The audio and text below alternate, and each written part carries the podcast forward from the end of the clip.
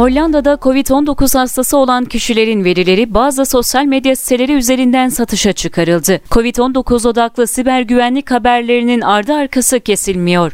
Şimdi gelen haberlerde de Hollanda Sağlık Bakanlığı'nın Covid-19 sistemine sızan kişiler Telegram, Snapchat ve Wicker üzerinden verileri sattı iki şahsın da kolluk kuvvetleri tarafından yakalandığı duyuruldu. Söz konusu olay adı geçen sosyal medya platformlarında Hollandalı vatandaşların verilerinin satıldığına dair reklamların görülmesiyle ortaya çıktı. Reklamlarda verilerin olduğunu gösteren ekran görüntüleri gösterildi. Söz konusu verilerin hackerlanan Hollanda Belediye Sağlık Hizmeti üzerinden çalındığı belirtildi.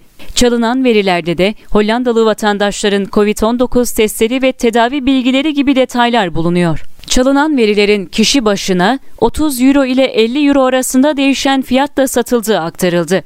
Ayrıca satılan verilerde adres, e-posta, telefon numarası, doğum adresi ve Hollanda sigorta numarası gibi bilgilerin olduğu da kaydedildi. Olayın öğrenilmesinin ardından 24 saat içinde iki kişi yakalandı. Yakalanan iki kişinin de Hollanda'da olduğu, 24 ve 21 yaşlarında olduğu belirtildi. İki şahsın bilgisayarına da el konulduğu aktarıldı. Her iki şahsın da verilerin çalındığı Hollanda Belediye Sağlık Hizmeti'nin çağrı merkezinde çalıştığı belirtildi. Böylelikle çalışanların Hollanda hükümetine bağlı sistemlere erişebildiği aktarıldı.